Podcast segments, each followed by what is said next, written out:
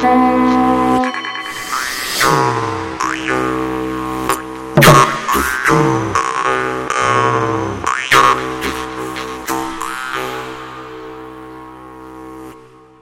dienu jums teica tradicionālās kultūras raidījuma laika ritu raksti vadītāja Iveta Medene.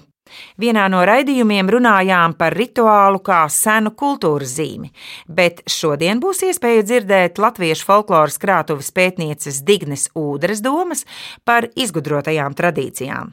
Kā izgudroti jēdzieni, kā zīmēm piešķirti dievību vārdi, kā arī par citiem folkloristikā lietotiem jēdzieniem, kas lielākā kopainā saistās ar idejām par tradīciju un folkloras autentiskumu, piemēram, folklorismu un feikloru. Labdien, Digne! Labdien!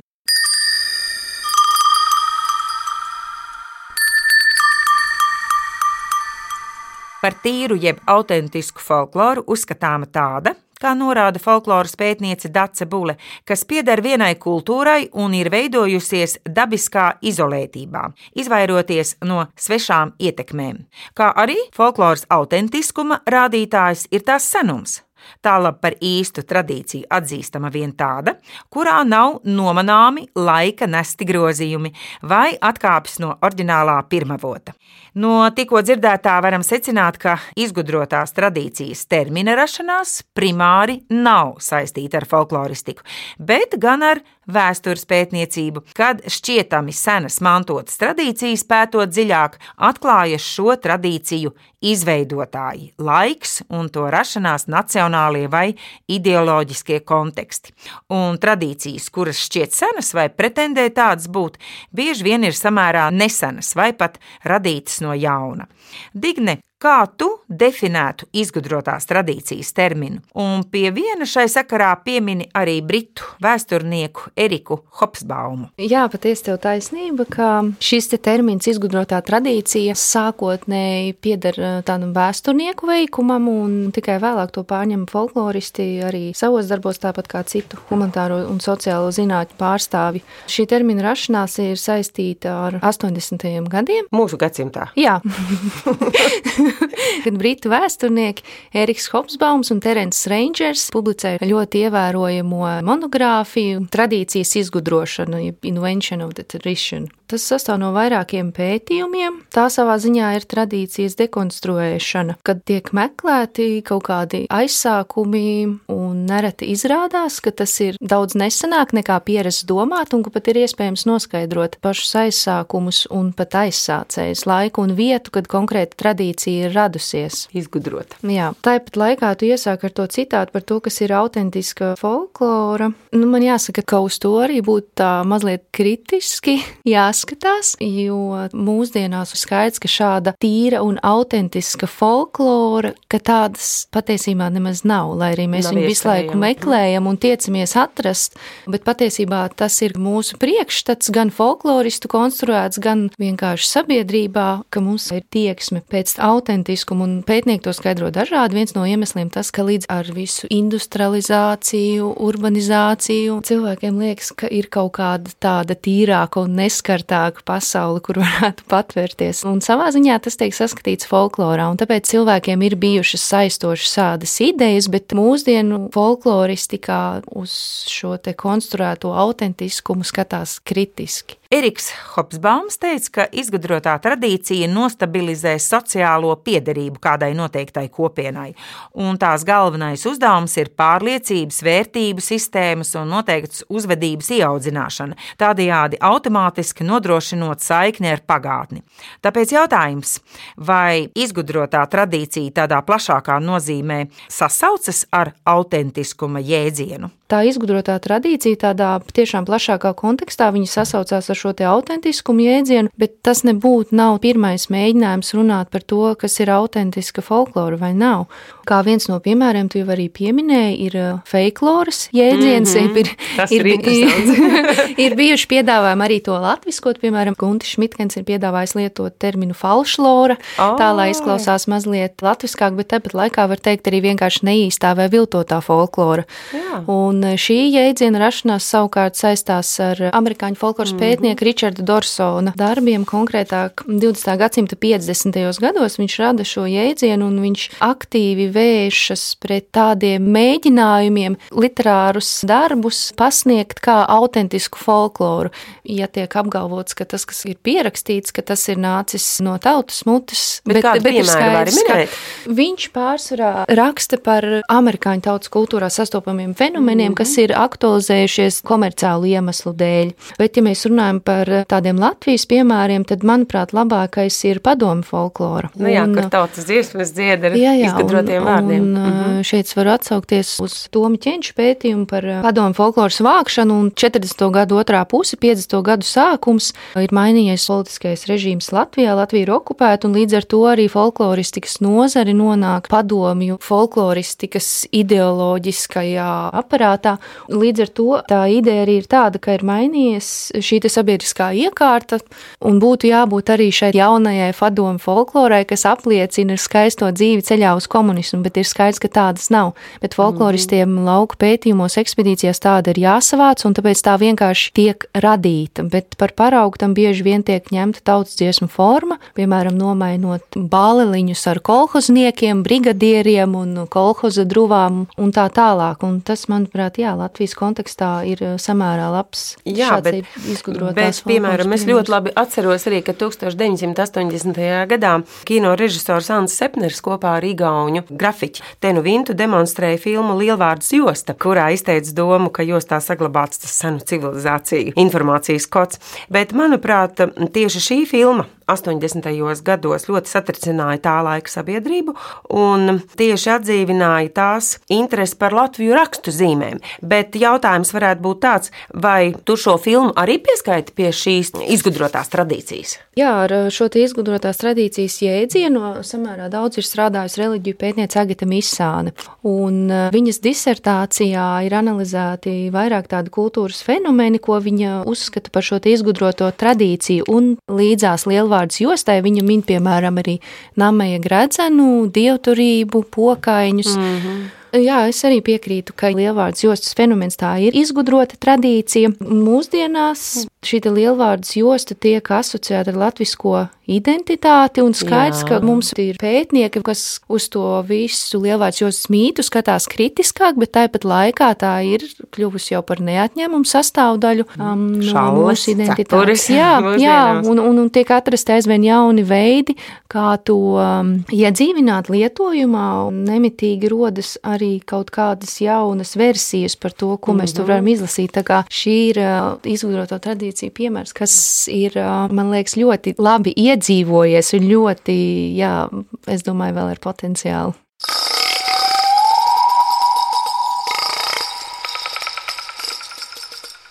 Terminu izgudrotā tradīcija iespējams lietot latviskā ornamenta kontekstā? Te es gribētu dzirdēt par mitoloģiskās skolas nodibināšanu Latvijā. Jā, šis ir nosaukums mitoloģiskā skola. Tā autors ir vēsturnieks Guntis Zemīts. Viņš šo nosaukumu attiecina uz tādu latviskā ornamenta interpretāciju, kur atsevišķi elementi tiek saistīti ar mitoloģiju. Par šādas interpretācijas aizsācēju ir uzskatāms Ernests Brastiņš, un tas pazīstamākais no viņa darbiem ornamenta kontekstā ir 1923. gadā izdotā grāmata Latviešu ornamentika, un tas ir tāds pirmais plašākais darbs, kur viņš izklāsta savas idejas par ornamentu. Viņa ideja ir tā, ka mākslas rašanās pamatā ir reliģija. Līdz ar to arī ir iespējams latviskajā ornamentā saskatīt saikni ar mitoloģiju mitoloģiju. Un grāmatas ietvaros viņš aplūko deviņas rakstu zīmes un mēģina caur folkloras un etnogrāfijas, arī arheoloģijas dotumiem izskaidrot to savu nozīmi. Tāpat laikā viņš nevienā brīdī necenšas apgalvot, ka tā ir tā laika tautas tradīcija. Tieši pretēji viņš saka, ka īstā ornamenta nozīme tautas lietojumā ir aizmirsusies. Cilvēki to vairs neatcerās. Mm -hmm. Tāpēc viņš kā mākslinieks izjūt šo pienākumu, mm -hmm. atšifrēt tās zīmes zīmes no jauna. Jā, un reizē ar mitoloģiskās skolas nosaukuma izveidošanu Guntis Zemīts ir piedāvājis, manuprāt, arī ļoti objektīvu kritiku. Pirmkārt, šī saistība ar mitoloģiju ir balstīta folklorā, un kā mēs zinām no vēsturnieku skatu punktu, folklora nav pārāk uzticams avots. Tāpat viņš min to, ka daudzas no ornamentu zīmēm, kas tiek lietotas šajā interpretācijā, ir daudz senākas par baltu kultūru, arī ka nav pierādāms tas, ka vienlaikus būtu eksistējis viss šis te zīmju kopums. Tās liecības, kas mums ir saglabājušās par tiem rakstu nosaukumiem, kas patiešām ir lietoti tajā laikā tautā, tās drīzāk ir saistītas ar dabas parādībām, teiksim, vaska ritentiņi, cūkactiņa, saveņragi Un etnogrāfa Anita Karlsone, komentējot mitoloģisko interpretāciju, viņa ir rakstījusi par to, ka tad, kad tika apzināts šis etnogrāfiskais kultūras mantojums, ka diemžēl tas netika darīts sistemātiski un netika pierakstīti senie nosaukumi, vismaz ne kopā ar to ornamentu, kas varbūt tika dokumentēts vizuāli. Mm. Bet tāpat laikā ir skaidrs, ka jā, tie nosaukumi, ko ierosina Ernsts Brastīņš,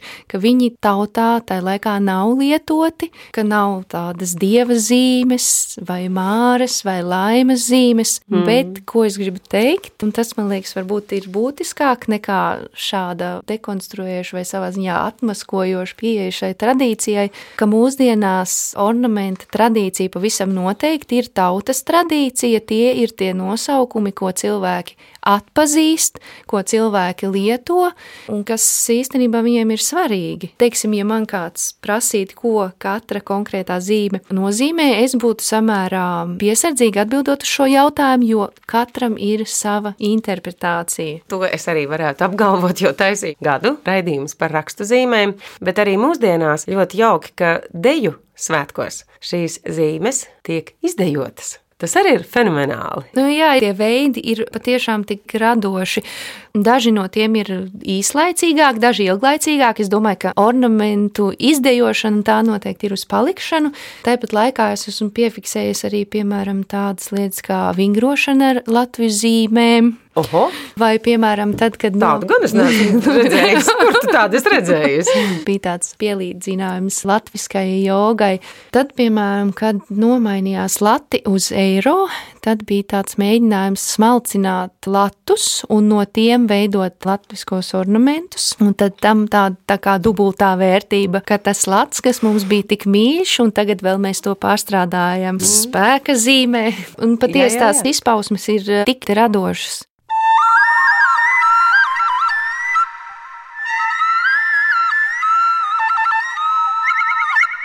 Digne, kādi vēl ir folkloristikā lietotie jēdzieni, kas saistās ar idejām par tradīciju un folkloras autentiskumu? Jā, vēl viens no tādiem, kas noteikti būtu jāmin līdz takus jau minētajai folklorā un izgudrotāji tradīcijai, ir folklorisms.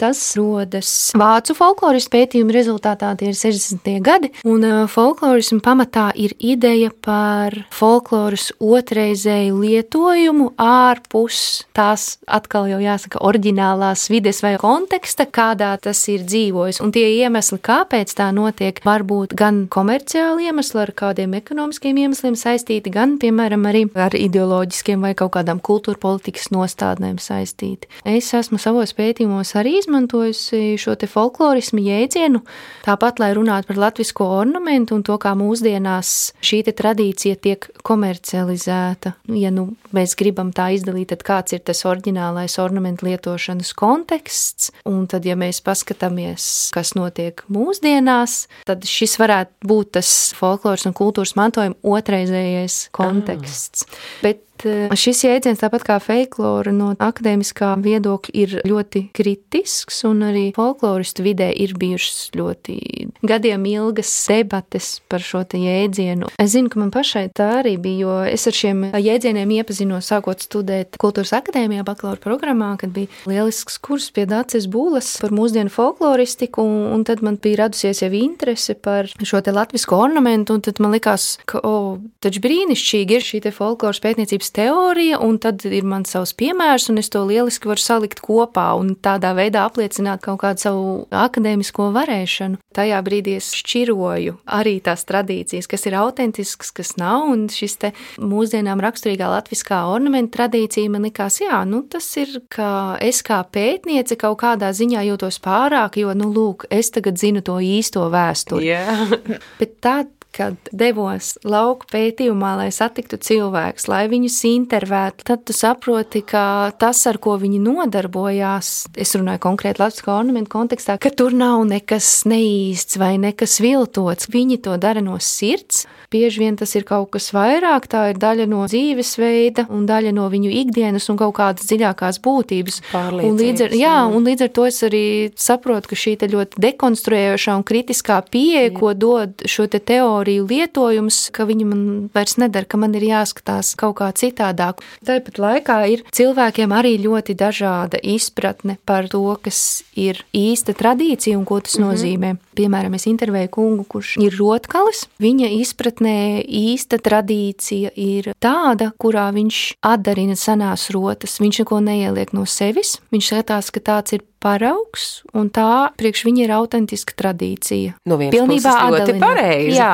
savukārt cits piemērs - intervija mākslinieci, kas glezno latvisko ornamentu dažādās kombinācijās, pieietam ļoti radoši, un tas atšķirās no tā, kā mēs esam pieraduši redzēt šo latvisko ornamentu. Bet viņi saka, ka mums ir ornamenta tradīcija, kas nāk jau paudžu paudzēs pārmantota, ir šis starpkaru mantojums ar brāl krastiņa, bīnes devumu un mm interpretācijām, bet ko tad mums darīt mūsdienās? Vai mums nodarboties tikai ar atdarināšanu? Kas būs tas, ko mēs būsim atstājuši nākamajām paudzēm, ja mēs neko jaunu nebūsim piedāvājuši? Un tāda savukārt ir viņas izpratne par tradīciju, ka ir jāieliek kaut kas no sevis. Bet, eh, manuprāt, tomēr tie kodi ir jāsaglabā. Viens pret vienu, un uz tā jābūvē sava daļa augšā. Un ir jau tā, ka tradīcijas rodās un tiek izgudrotas arī mūsdienās, un viens no manuprāt, lieliskiem piemēriem ir Baltā galdautu svētki, un šeit man jāatsaucās uz eh, folkloras krātuves vadītājs Rītas Strejas pētījumu, un jau raksta ievadā viņa norāda, ka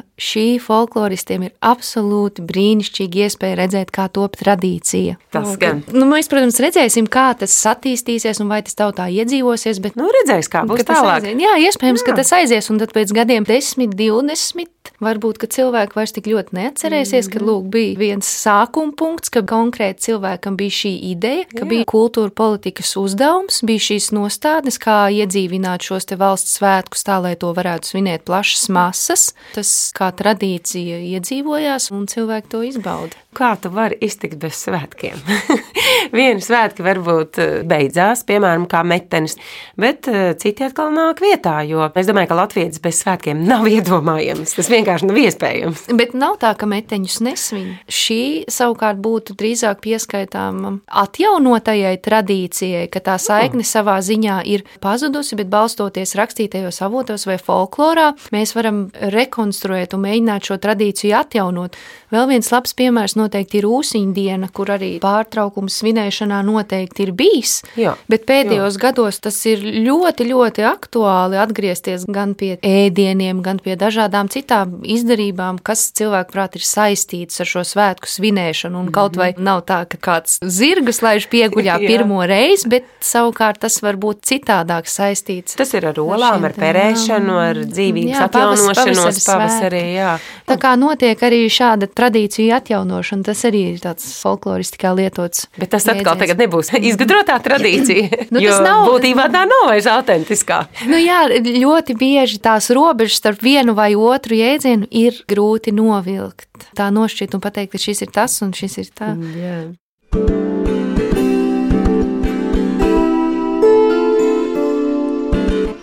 Bet tu vēl tomēr nepastāstīji, kā tām zīmēm tiek piešķirta dievību vārdi. Nu, kāpēc tieši Māras krusts ir, ir Mārai piedāvāts? Tas būtu bijis jāprasa Brastiņam. Brastiņam jā.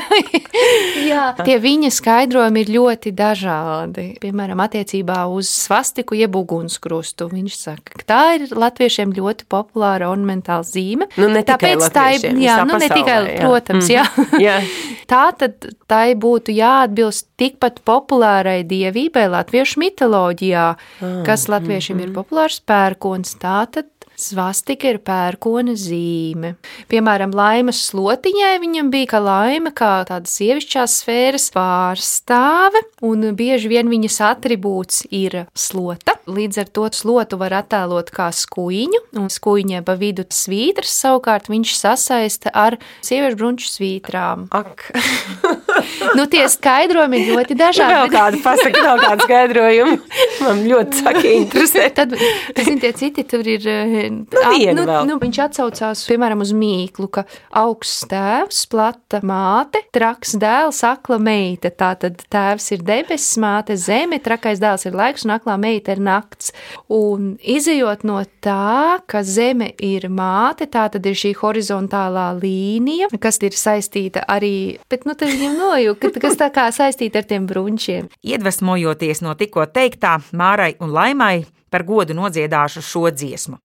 Es redzēju ciemiņos, pusvakara pirti kūra, airairā, airairīdi rallallā. Māra dose laima liksi, tas būs manis pādenītis, airairā, airairīdi rallallā. Ko tu kā zinātniece varētu redzējuma nobeigumā veltīt folkloristiem? Vai to dzīvē piekopja? Nu, tā es nezinu, ko teikt. Kaut ko labu, uzmundrinošu. Folkloriste Bārbara Kiršenblata Gimbleta raksta, ka māka improvizēt tradīcijas ietvaros, ielikt kaut ko no sevis, bet izmantojot to doto tradīcijas rāmīt, ka tas patiesībā apliecina to augstāko punktu tradīcijas pratībā.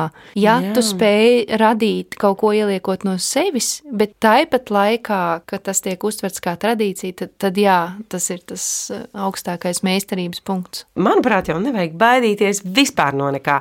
Ja tev ir notis priekšā dziedi, ja tev ir deju ritmi, tad dejo.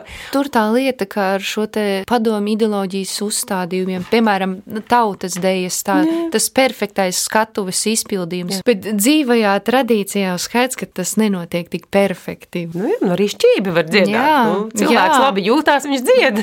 Jā. Vai labi jūtās un dejo. Un ja arī to kāds zinātnieks, piemēram, Digne Udri nosauc par izgudroto tradīciju, nu ir un cauri, vai ne? Nu jā, es no savas pieredzes varu teikt, ka viens ir, ka tu pēti, lasi akadēmiskus pētījumus, bet pavisam cita lieta ir, ja tu veic lauku pētījumu un ja tu patiešām satiec šos cilvēkus un saproti, cik viņi ir brīnišķīgi un cik tā tradīcija ir radoša, un tad citādāk uz to uh -huh. var skatīties atvērtāk. Radījuma nobeigumā gribētu teikt, ka šāda apzināta tradīciju pārradīšana, tās satura vai formas atkārtošana arvien jaunos veidos norāda uz sabiedrības interesi par tautas kultūras mantojuma iedzīvināšanu ikdienā un nepieciešamību pēc tradīcijām. Paldies, Digne, par sarunu! Tradicionālās kultūras raidījumā laika ritu raksti par jēdzienu izgudrotā tradīcija, kā arī par citiem folkloristikā lietotiem jēdzieniem folklorismu un feikloru, runāja Latviešu folkloras krātuves pētniece Digne Ūdre. Skaņu režijā Reinis Budze raidījumu vadīja Iveta Medene. Uz sadzirdēšanos nākamajos laika ritu rakstos.